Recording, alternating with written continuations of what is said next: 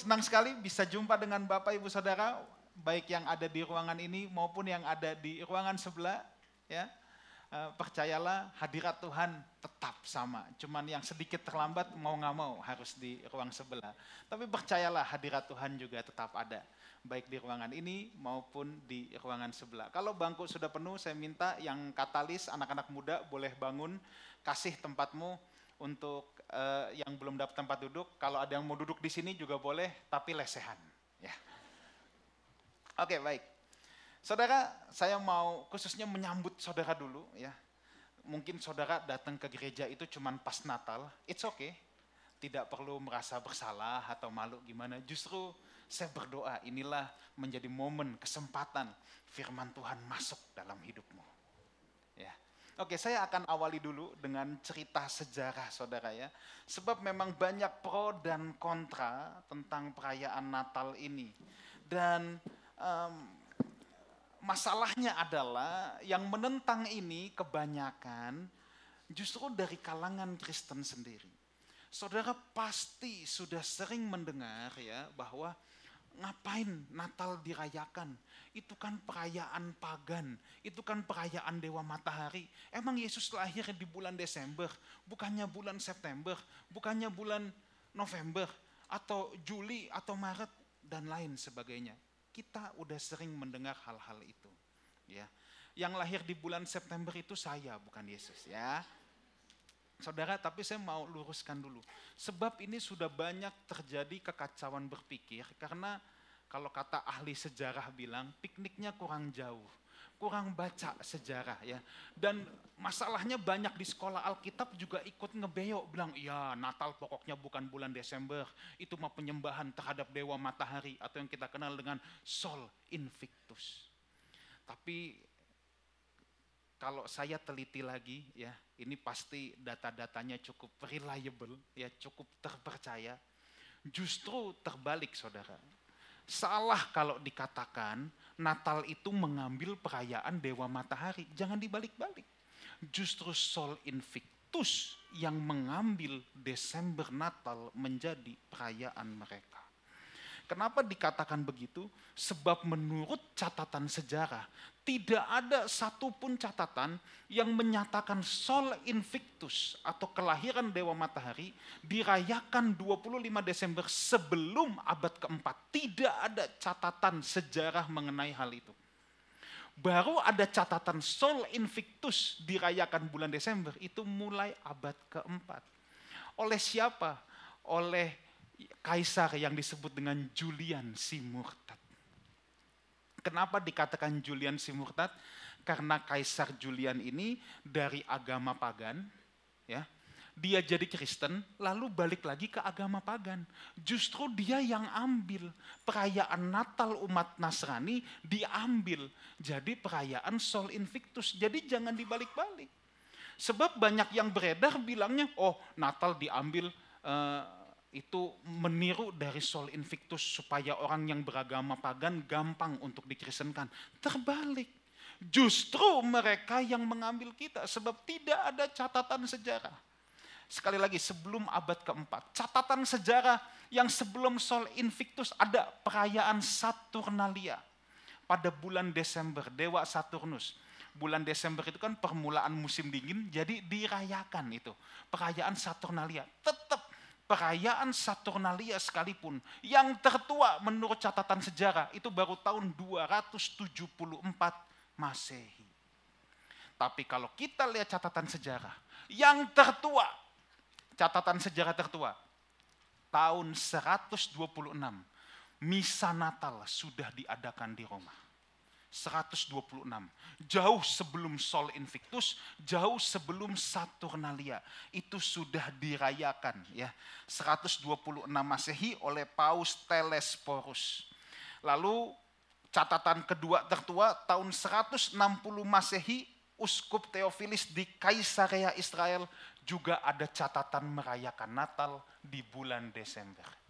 Bahkan ya dalam buku Koptik Didaskalia Apostolorum ya itu dituliskan pasal yang ke-18 tentang perayaan-perayaan dan puasa bunyinya tuh begini.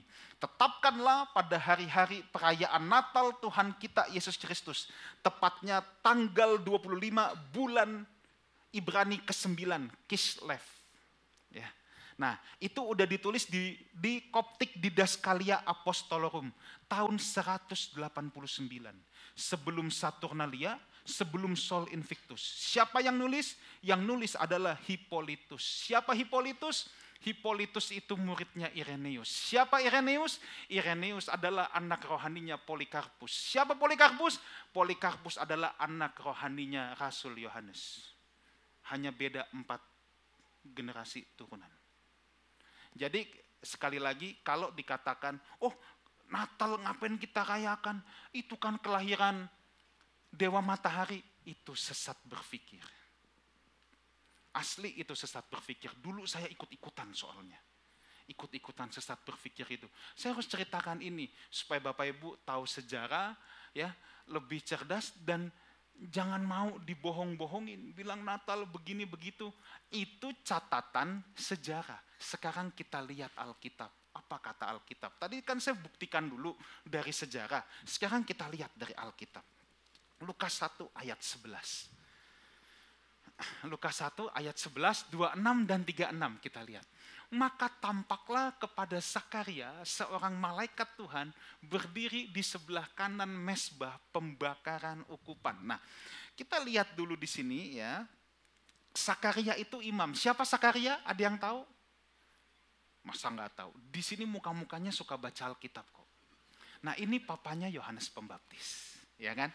Sakaria ini papanya Yohanes Pembaptis. Nah, menurut ahli sejarah Flavius Josephus ya, ini ahli sejarah Yahudi di tahun 90 Masehi. Jadi ini 90 Masehi menulis Sakaria itu adanya di rombongan Imam Abia, rombongan ke-8. Ini saudara kagak perlu pusing ya. Dia ini lagi bakar ukupan di bulan Tisri. Dia ini lagi dapat giliran. Jadi saat malaikat menghampiri Sakaria, ini lagi rombongannya Sakaria yang dapat kebagian. Dan itu jatuhnya di bulan Tisri. Tisri itu kalau di kalender kita itu kira-kira memang bulan September. Nah, Lukas 1 ayat 26, dalam bulan yang keenam, Allah menyuruh malaikat. Saudara jangan baca ini, oh ini bulan Juni. Bukan. Ya, ini bukan bulan Juni. Ini adalah enam bulan setelah Sakaria dihampiri malaikat. Makanya ini kan Lukas 1, 26 dan 36. Ini kan dalam rangkaian yang sama ketika Maria dihampiri oleh malaikat. Dan sesungguhnya Elizabeth, sanakmu itu, ia pun sedang mengandung seorang anak laki-laki pada hari tuanya. Dan inilah bulan yang keenam. Jadi waktu Zakaria dapat giliran bakar ukupan di bulan Tisri, bulan September itu, malaikat datang. Enam bulan kemudian, bukan bulan Juni ya, enam bulan setelah malaikat datangin Sakaria dan dinyatakan Elizabeth hamil, malaikat datengin Maria. Makanya ini kira-kira bulan Maret. Ini kira-kira bulan Maret. Nah, jadi malaikat ketemu Maria ya menurut catatan di sini 14 bulan Nisan Maria dapat kabar akan mengandung. Kira-kira itu memang tanggal 25 Maret. Itulah dasar kenapa Koptik di Daskalia Apostolorum kemudian menuliskan 25 Desember sebagai hari Natal. Memang kita nggak tahu persisnya. Orang kan juga nggak ada kan yang 9 bulan, persis 9 bulan. Bisa aja mundur atau maju tapi kita nggak perlu merasa tertuduh lalu bilang oh ini uh, dari Sol Invictus. Enggak, Sol Invictus yang mengambil kekristenan sejak abad keempat zaman Kaisar Julian si murtad. Jadi kita jangan dibolak-balik ini. Ya. Jadi memang kemungkinan besar Yesus itu lahir akhir Desember. Ada satu lagi sistem kalender kalau dihitung jatuhnya awal Januari, tapi memang di sekitar itu. Ya, tapi kita nggak usah pusing tentang itu. Saya cerita sejarah ini supaya saudara lebih tenang dan lebih damai merayakan Natal. Ya, supaya saudara lebih tenang dan lebih damai dalam merayakan Natal. Tapi kita harus merayakan Natal itu baik. Kenapa? Sebab dalam Alkitab orang-orang pun merayakan. Sejarah pun merayakan. Gembala di Padang merayakan. Orang majus dari timur pun datang untuk merayakan. Kenapa kita sampai jadi alergi untuk merayakan Natal? Di Alkitab orang-orang pun merayakan. Sejarah juga. Tadi kan saya udah cerita panjang lebar.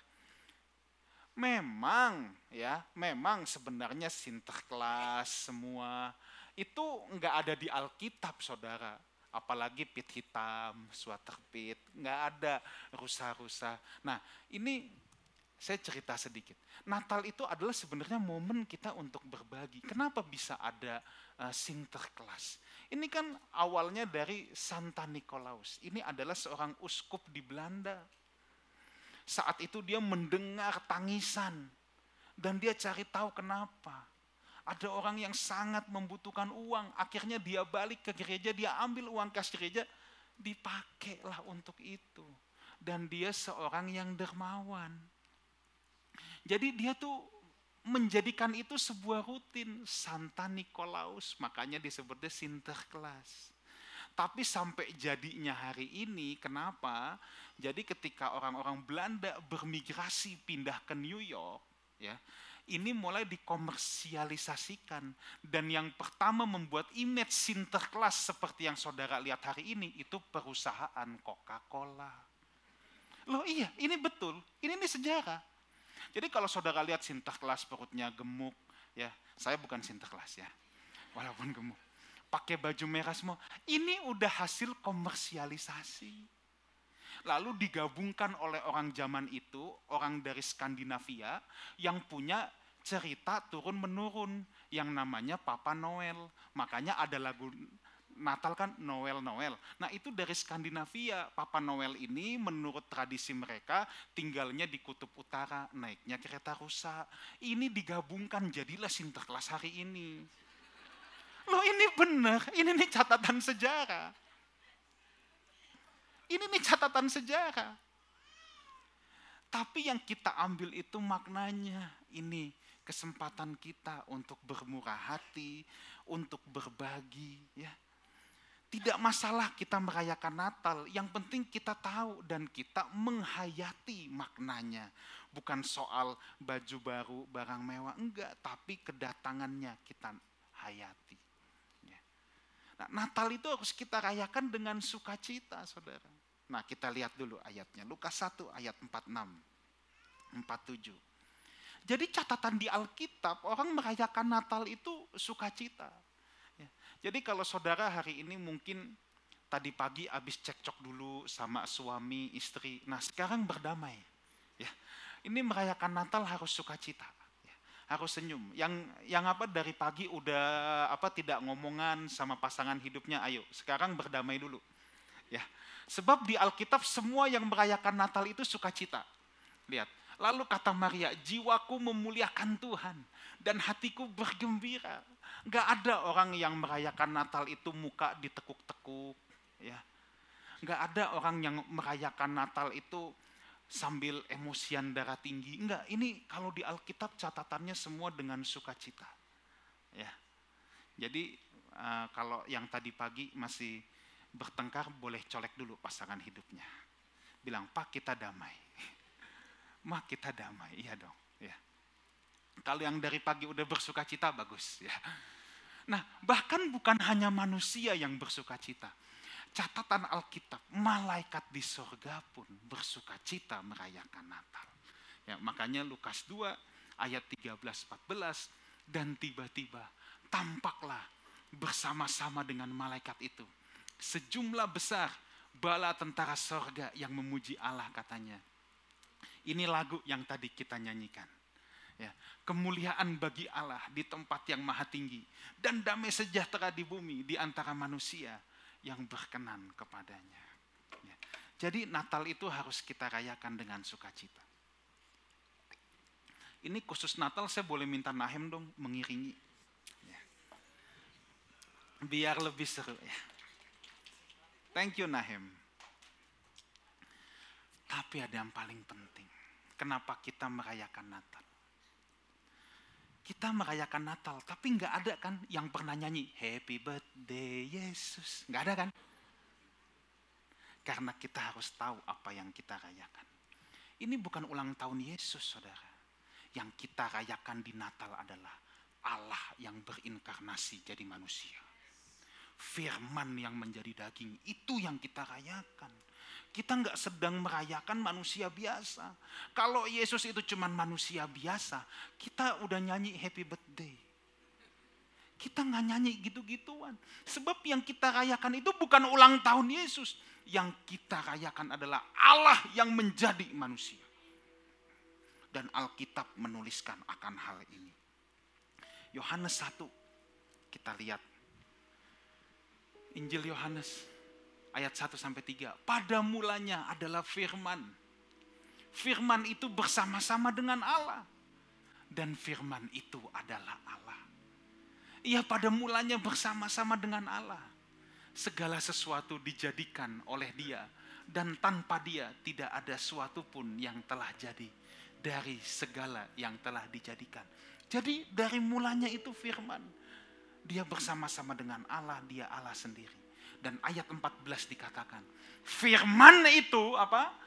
telah menjadi manusia dan diam di antara kita. Dan kita telah melihat kemuliaannya, yaitu kemuliaan yang diberikan kepadanya sebagai anak tunggal Bapa, penuh kasih karunia dan kebenaran. Natal itu merayakan ini, firman itu telah menjadi manusia. Itu yang kita rayakan. Makanya Natal itu sangat penting saudara. Kalau saudara mungkin jarang ke gereja atau mungkin ada yang belum pernah ke gereja, siapa sih Yesus? Natal itu Allah yang mencari manusia. Semua agama di dunia ini manusia itu mau mencari Allah. Makanya orang-orang zaman purba dulu bingung ke mana cari Allah dia ngeliat ada tsunami, dia pikir dewa laut ngamuk, kasih sesajen buat laut. Dia lihat gunung meletus, dia pikir dewa gunung ngamuk. Dia kasih sesajen buat gunung. Itu adalah semua manusia mencari Allah.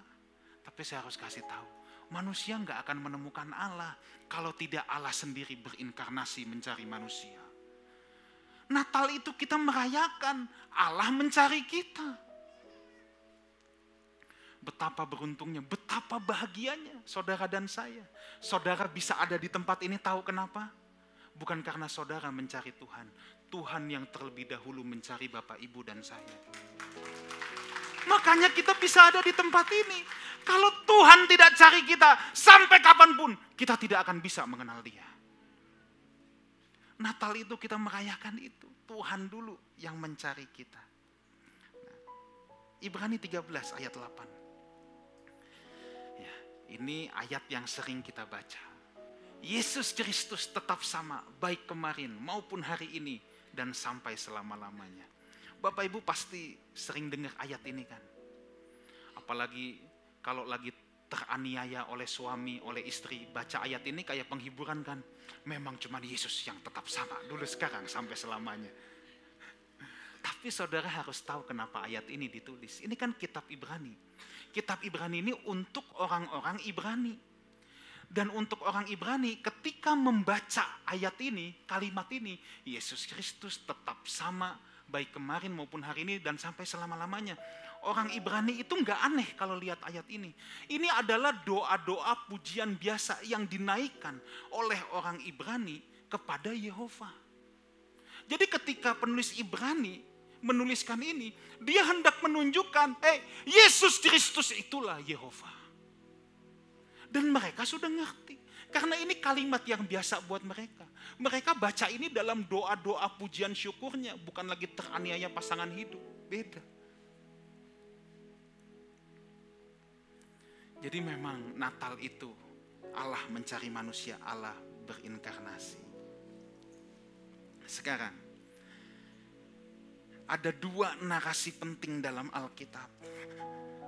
Ada dua narasi penting dalam Alkitab tentang kedatangan Yesus. Dari tadi kita udah bicara Yesus firman yang jadi manusia.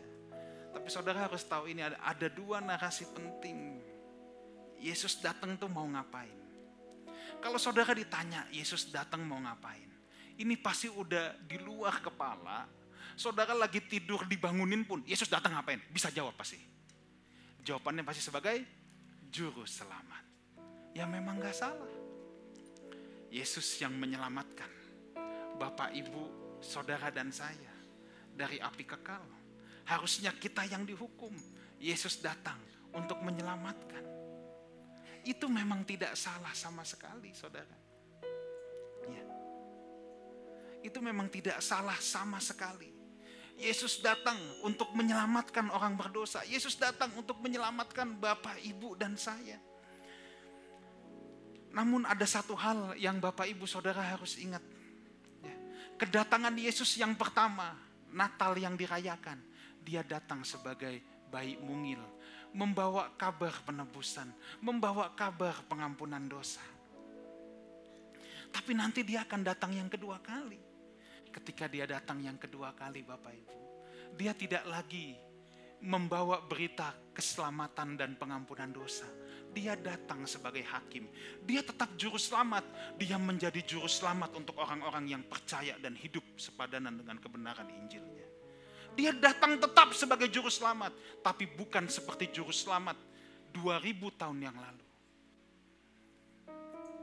Betul, dia datang untuk menyelamatkan, menyelamatkan saudara dan saya yang hidup di dalam dia. Menyelamatkan saudara dan saya yang telah menerima dia. Jadi kedatangan Kristus itu kasih karunia dijalankan, kebenaran ditegakkan. Waktu Tuhan datang kembali, dia dia itu juga datang sebagai juru selamat ya untuk menyelamatkan kita dari api kekal. Karena dunia ini akan dijadikan lautan api. Coba lihat dulu sebentar. 2 Petrus 3 ayat 10 sampai 12.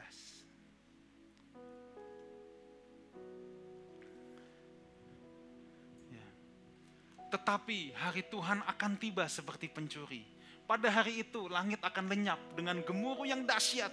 Unsur-unsur dunia akan hangus dalam nyala api dan bumi dan segala yang ada di atasnya akan hilang lenyap. Jadi, jika segala sesuatu ini akan hancur secara demikian, betapa suci dan salehnya kamu harus hidup. Coba stop dulu di sini. Yesus datang pertama kali sebagai juru selamat, memberitakan kasih karunia, memberitakan pengampunan dosa. Tapi ada bagian ketika dia datang kembali ini, Alkitab bilang, unsur-unsur dunia akan hangus dalam nyala api. Berarti apa? Dunia yang kita tinggali sekarang ini akan hangus dengan nyala api. Ini harus mengingatkan kita, hidup kita ada batasnya. Kita jangan sombong. Kalau Tuhan mempercayakan kita dengan banyak hal, itu tidak membuat kita jadi sombong. Sebab saudara punya banyak, punya dikit, masa depannya sama dibakar jadi lautan api. Iya. Saudara punya rumah satu, ngontrak sama punya rumah seratus itu sama. Masa depannya itu. Dibakar jadi lautan api. Jadi jangan sombong, jangan jumawa, jangan merasa diri hebat, keren dengan apa yang kita miliki. Masa depannya ini semuanya sama. Tapi di sini juga dibilang, jika segala sesuatu ini akan hancur secara demikian, betapa suci dan salehnya kamu harus hidup. Kedatangan Tuhan yang kedua, yang pertama kasih karunia dibagikan. Kedatangan Tuhan yang kedua, kebenarannya ditegakkan. Iya. Dia akan datang menyelamatkan kita semua yang menerima kasih karunia-Nya yang ditandai dengan kesucian hidup. Jadi Pak, Bu, Saudara semua, kalau mau bertobat tuh jangan tunggu besok, jangan tunggu nanti. Ambil keputusan hari ini juga. Amin. Ambil keputusan saat ini juga. Jangan ditunda-tunda. Jangan ditunda-tunda. Kata Alkitab hari Tuhan tiba seperti pencuri. Hari Tuhan itu kadangkala bagi setiap kita tuh bisa beda. Bisa waktu Tuhan menampakkan diri di awan-awan semuanya melihat. Atau ada yang jalur private. Tahu jalur private ya? Nah ini jalur karpet merah. Tiba-tiba besok udah gak bangun lagi. Ini kan karpet merah, VIP. Loh iya, hari Tuhan itu bisa datang dalam hidup kita kapan aja. Jadi jangan pernah menunda apa yang namanya pertobatan. Kalau kita masih punya kesempatan hari ini datang beribadah sama Tuhan, dengar firman Tuhan, jangan sia-siakan kesempatan ini. Ini kesempatan yang baik untuk apa? Untuk bertobat, untuk pulang balik ke Tuhan. Mungkin saudara udah lama tidak datang ke gereja, tapi saya mau kasih tahu gini, Tuhan itu seperti Bapak yang rindu anaknya yang bungsu untuk pulang ke rumah. Kapan pun saudara mau pulang, Bapak selalu dengan tangan terbuka dan siap kasih saudara jubah lagi, cincin lagi. Artinya apa? Identitas saudara dipulihkan. Saudara biarpun udah lama enggak ke gereja, saudara begitu balik ke Tuhan, saudara tetap anak Allah. Iya. Status itu pemberian, status itu tidak bisa diupayakan. Sebaik-baiknya anak tetangga. Kalau saudara tidak kasih status dia sebagai anak, dia nggak bisa jadi anak saudara. Iya kan? Status itu pemberian. Jadi yuk kita ambil kesempatan yang baik ini untuk kita pulang ke rumah Bapak. Ya. Pulang ke rumah Bapak ini bukan bukan meninggal, bukan. Artinya yang udah lama nggak tahu hidupnya keluyuran ke mana, ya, udah warawiri sana sini, ini saatnya kembali lagi sama Tuhan. Ya. Ini saatnya kembali lagi sama Tuhan. Tapi ada narasi kedua, saudara. Ini sebenarnya terbanyak dalam Alkitab, tapi kita lupa Tadi saya bilang, kalau ditanya Yesus datang apa? Juru selamat, kita ingat itu. Tapi ada narasi kedua yang sangat penting dan ini sebenarnya menghiasi Alkitab dari kejadian sampai wahyu. Dan banyak orang lupa akan hal ini. Tapi ini narasi yang sangat penting. Dia adalah raja. Yesus itu bukan cuma juru selamat, tapi dia adalah raja. Markus 1 ayat 1. Injil Markus itu banyak yang mempercayai ini adalah Injil yang tertua. Ini Injil yang tertua. Jadi kalau saudara lihat Alkitab saudara, ya, Matius, Markus, Lukas, itu sebenarnya yang pertama ditulis itu kitab Markus. Kenapa kitab Matius yang ditaruh duluan? Sebab kitab Matius itu diawali dengan silsilah supaya nyambung sama PL. Tapi sebenarnya yang tertua ditulis banyak yang mempercayai itu Injil Markus. Dan Markus langsung membuka Injilnya dengan begini. Inilah permulaan Injil tentang Yesus Kristus anak Allah. Kata Kristus, Kristos. Kristos itu bukan sekedar yang diurapi. Ini mengacu pada tokoh kerajaan yang diurapi Makanya saudara baca Alkitab, saudara terbanyak menemukan gini, Injil kerajaan. Injil keselamatan itu cuma ditulis di Alkitab, paling cuma dua tiga kali. Tapi Yesus selalu bilang Injil kerajaan. Dan Kristus itu tokoh kerajaan. Jadi memang dia itu adalah raja. Dia itu bukan hanya salah seorang raja, dia sang raja, artinya dia satu-satunya raja. Makanya kalau Natal itu kita nggak boleh berhenti sampai Yesus adalah juru selamat. Pertanyaannya, apakah dia menjadi raja dalam hidupmu? Jangan memperlakukan Tuhan cuman anggapnya itu sebagai juru selamat nanti selamatin kita. Ya, nanti kalau dunia mau dihukum kita cepat-cepat diselamatin. Eh tunggu dulu. Ada hal yang lebih penting. Pertanyaannya, siapakah yang memerintah dalam hidup kita? diri kita sendiri atau Kristus? Sistem pemerintahan apa yang ada dalam hidup kita? Apakah sistem kedagingan? Apakah sistem dunia ini? Atau sistem pemerintahan kerajaan Allah? Yesus pasti datang kembali. Dan saudara mau tahu siapa yang dijemput? Siapa yang dijemput Tuhan? Mau tahu? Yang dijemput Tuhan adalah mempelai, bukan orang upahan. Saya ulang lagi, yang Tuhan akan jemput adalah mempelai pastikan kita itu mempelainya Tuhan. Saya nggak tahu kenapa kita datang ke gereja. Ada orang yang datang ke gereja untuk upah. Saudara upah itu nggak usah ditanya, nanti pasti dapat. Tapi yang saya harus beritahu, yang Tuhan jemput itu mempelai, bukan orang upahan. Kalau mempelai itu punya hubungan, pastikan kita itu punya hubungan dengan Tuhan. Kita kenal dia, bukan hanya dengan yang dirasa-rasa, tapi kita betulan kenal. Jangan ya saya saya rasa saya kenal Pak Christian. Enggak, saya harus betul-betul kenal, bukan cuma main perasaan. Perasaan itu gampang hilang, perasaan itu gampang berubah. Tapi kalau saudara mengenal, beda. Mengenal itu kan dengan pemahaman. Orang yang mengenal itu semakin paham. Makanya pastikan kita semakin memahami pasangan hidup kita. Jangan kawin 20 tahun malah bilangnya, gue makin gak ngerti lu sama lu. Lah ngapain aja. Dulu pas pacaran kayaknya paling paham dia. Udah kawin 20 tahun malah, gue kok makin gak ngerti ya sama lu. Kok makin gak paham? Harusnya makin paham dong. Harusnya makin paham dong. Jadi pastikan, dia itu bukan cuma juru selamat, dia raja. Pertanyaan yang harus kita tanya dalam hidup kita, siapa yang memerintah sih dalam hidup kita? Saya akan akhiri dengan ini. Natal adalah titik balik. Titik balik sejarah keselamatan manusia. Natal adalah sebuah titik balik. Sebuah kehidupan yang dari kegelapan. Coba kita lihat dulu kejadian satu ayat yang kedua. Kalau saudara sering mendengarkan sharing saya, saya selalu bilang gini.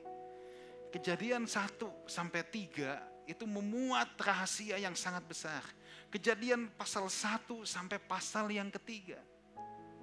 Itu memuat blueprint, sebuah cetak biru. Dan lihat di sini, kejadian 1 ayat 2. Mungkin saudara baca ayat ini numpang lalu, lewat gitu aja.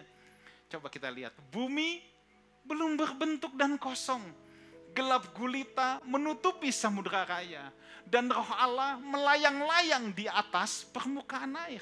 Mungkin saudara baca ayat ini biasa aja. Tapi coba saya mau ajak saudara teropong ayat ini. Bumi belum berbentuk dan kosong. Nah ini ada tiga kata yang digunakan. Ya next slide. Digunakan kata tohu. Ini ini bukan tofu, tahu, bukan ya. Ini tohu. Itu formless, tidak berbentuk. Confusion, kebingungan, emptiness, kekosongan. Kata kedua yang dipakai, bohu, itu kosong, kehancuran total, kedangkalan. Lalu kata ketiga yang dipakai untuk gelap gulita itu kosyek, kegelapan, tidak terlihat, kehancuran, kematian, kebodohan, kepedihan, kejahatan. Baik ini, bukankah keadaan ini mirip dengan dunia kita hari ini? Dunia sedang ada dalam kegelapan kejahatan yang tidak kira-kira. Atau mungkin ada kita yang merasa hidupku hancur, hidupku dalam kegelapan, hidupku dalam uh, ke apa tiadaan tujuan, hidupku dalam kebingungan, aku kosong. Mungkin ada saudara yang berteriak begitu. Aku kosong. Dengar baik. Materi, fasilitas, popularitas nggak bisa mengisi kekosongan itu. Materi, fasilitas, popularitas. Saudara boleh punya follower jutaan orang di sosial media. Tidak bisa menjawab kebingungan itu. Tidak bisa mengisi kekosongan itu. Tidak bisa mengisi kedangkalan itu. Tidak bisa menerangi kegelapan itu. Karena Alkitab sudah kasih rumusan. Ketika bumi dalam keadaan begitu, Tuhan kasih jalan keluarnya. Ayat yang ketiga. Apa? Berfirmanlah Allah. Saya ulangi lagi. Berfirmanlah Allah. Saya ulangi lagi. Berfirmanlah Allah. Firman Allah adalah invasi kerajaan terhadap dunia yang gelap ini. Firman Tuhan satu-satunya jawaban terhadap hidup kita yang penuh kekosongan, yang penuh kebingungan, yang penuh kedangkalan. Firman Tuhan satu-satunya jawaban untuk hidup kita. Yang kita terasa gelap, yang kita terasa tidak ada tujuan. Firman Allah jawabannya. Sebab begitu firman Allah datang, firman itu pasti membawa terang. Firman Allah datang, firman itu pasti membawa terang. Inilah jawaban atas kegelapan. Inilah jawaban atas kedangkalan. Saudara tidak bisa cari di tempat lain. Pastikan saudara mencintai firman Tuhan. Sebab tadi kita juga sudah baca, pada mulanya adalah firman. Makanya memang benar, firman Allah solusinya. Ketika kita merayakan Natal, kita merayakan firman yang menerobosi kehidupan kita yang gelap. Kalau saudara hari ini datang dengan kebingungan, saudara datang dengan kegelapan, saudara datang dengan ketiadaan tujuan, saya mau beritahu, Natal, firman datang dalam hidup saudara. Ini yang paling terakhir. Kalau saudara tahu Immanuel, itu kan ada di Matius 1 ayat yang ke-23. Kapan itu ditulis? Itu kan sebenarnya mengutip dari Yesaya pasal yang ke-7. Itu zaman Raja Ahas. Itu Raja Yehuda yang saat itu dalam krisis politik, krisis militer. Krisis yang berkepanjangan. Natal berarti Allah menyapa kita dalam penderitaan kita juga. Saya tidak tahu. Mungkin saudara bilang, aku sudah krisis berkepanjangan Aku nggak jelas tadi, udah bingung, udah nggak ada arah. Tahun 2023 berat banget, tahun depan lebih nggak pasti lagi. Tapi saya mau beritahu, Natal firman Tuhan datang dalam hidup saudara. Natal mengingatkan bahwa Tuhan tidak pernah meninggalkan kita. Saya berdoa setiap saudara berjumpa dengan dia. Cintai firman Tuhan sebab sikap kita terhadap Tuhan adalah sikap kita terhadap firman. Orang yang mencintai Tuhan pasti mencintai firman-Nya. Orang yang menghormati Tuhan pasti menghormati firman-Nya. Amin. Kita bangkit berdiri, kita datang sama Tuhan.